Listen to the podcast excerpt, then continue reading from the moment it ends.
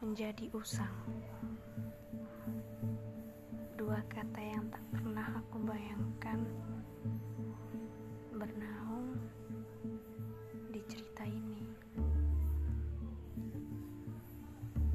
Ya, ini tentang masa lalu.